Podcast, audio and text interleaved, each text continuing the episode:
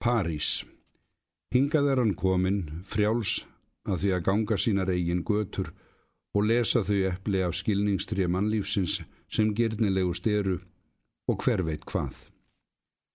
Það var ekki hending einn sem reyði staðarvalinu því um skeið hafði þessi heimsborg búið yfir langdrægara aðdráttarafli en aðrar stöllur hennar viðsvegar um heimsbyðina. Ef til vill er þeirrar kveikja að leita hjá gamla franskukennarunum heima á fróni. Hér hafði hann dvalið í eina tíð ungur maður og bergt af lindum visku og lífsnötna og þau áhrif gáttu aldrei runnið af honum til fulls. Í hjarta sínu var hann velviljaður verðandi skáldi og óbeðin hafði hann stungið að því meðmælabriði sem átt að greiða götu handhafa þess ef mikið lægi við.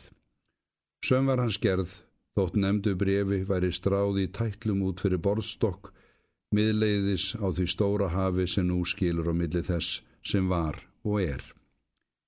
Hér er allt stort og framandi fyrir þann sem nýkomin er af útskækli heimsins og það tekur sinn tíma að átta sig á þeim nýlundum sem ber fyrir augu og eiru.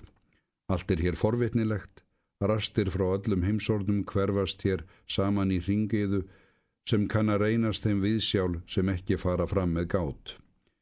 Ef til vill er það áhættan sem er aflmesti segullin í þessum freyðandi mannlífsvelg. Vissulega lúrir tortímingin í djúpi hans en þar og aðeins þar er einnig að finna þann viskurnóða sem eitt getur vísað vegin að uppsprettu sjálfurar lífskátunar. Leitandi hennar á því þann einn kost að varpa fyrir borð allri varúð og kafið þennan görótt og svelg upp á von og óvon um ávinning. Lítil krá í öngstræti. Dimm, miðlungi hreinleg, samtilegur eilífur oft sinnis leiðsina þangað því þar er stökusinnum hægt að verða sér út um eitt og annað sem kann að vísa til vegar í leitina viskunóðanum. Dag einn stýgur hann þar inn fyrir þröskuld og rínir inn í morskuna sem mætir honum í dyrunum. Hann kemur fljótlega aug og andlit sem hann þekkir og önnur sem hann veit minni deil á. Er að hugsa um að snúa við því þetta er ekki sá félagskapur sem hann er á höttunum eftir þessa stundina. En þá er kallað til hans frá einu borðinu svo hann ræður það afaslást í hópin sem þarna er saman komin en hann yðrast þess fljótlega því þessi ungminni heyra til þeim söfniði sem trúir á þann tilgang einan sem tilgangsleysið eitt hefur upp á að bjóða. Verði einhverjum það á að kraka til bots í því dauðahafi og eiga þess kosta bjargast og þurft er aðeins eitt viðbrað til að spyrna sér aftur út á djúpið. Rökræðurnar minna hann á skopleik lélugustu tegundar og hann er ekki í skapi til að peksa svo hann gengur inn að barnum og fær sér í glas. Á meðan hann sötrar úr því litast hann um eftir skári félagskap og þá kemur hann auga á hana. Hún situr afsýðis, einn. Hálftæmt glas stendur á borðinu fyrir framann hana og í öðru munvíkinu hangir kulnaðu síkaretustöpur. Hún situr álút með olbófana á borðbrúninni og núana við gagnaugun en svart hárið fellur lausbeisla niður um axlirnar og hilur vanganað mestu.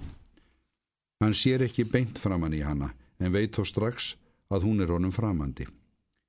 Það er ekki um hugsaða ákverðun að ræða en allt í einu er hann komin að borðinu til hennar. Afsakið, ég kannski tröfla.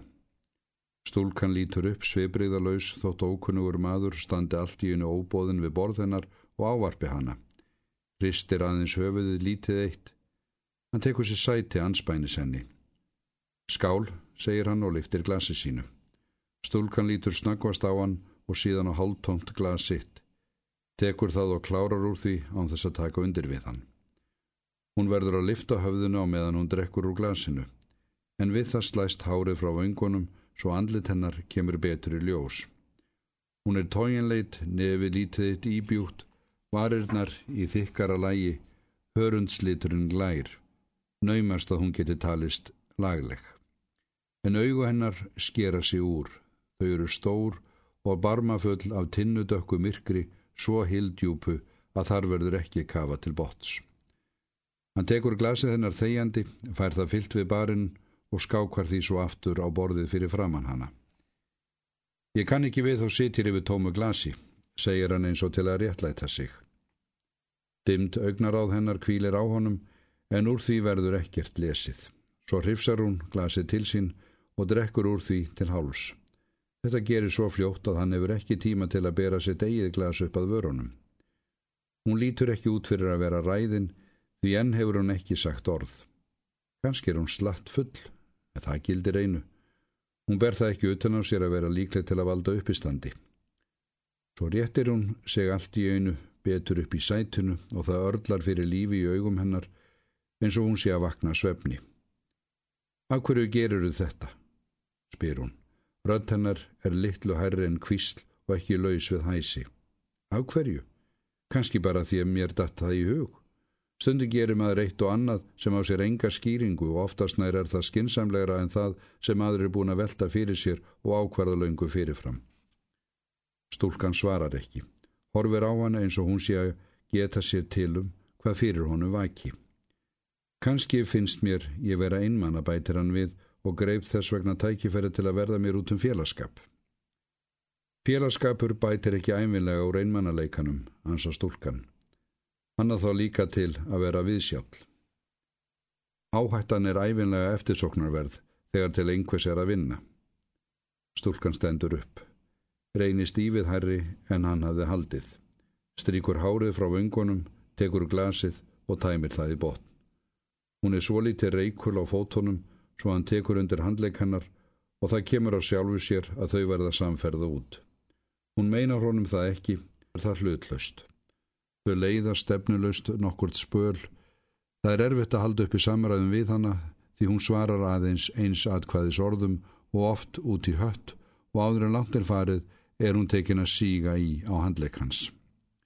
Út um hálfopnar dyr á matsölu leggur ilm af heitum réttum. Nú fáum við okkur að borða, segir hann. Stúlkan træðast við þögul en viðnám hennar fjarar fljótlega út. Hvað langar því? Spyr hann þegar þau hafa tekið sér sæti við eitt borðið. Mér er sama.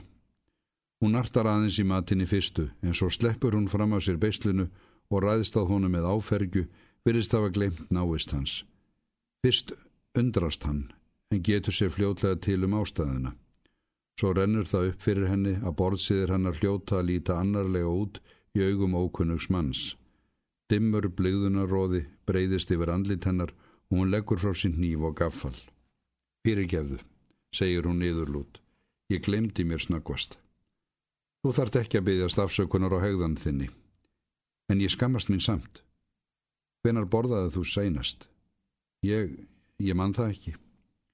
Þú þart ekki að rifja það upp. Borðaði bara eins og þú getur í þig látið.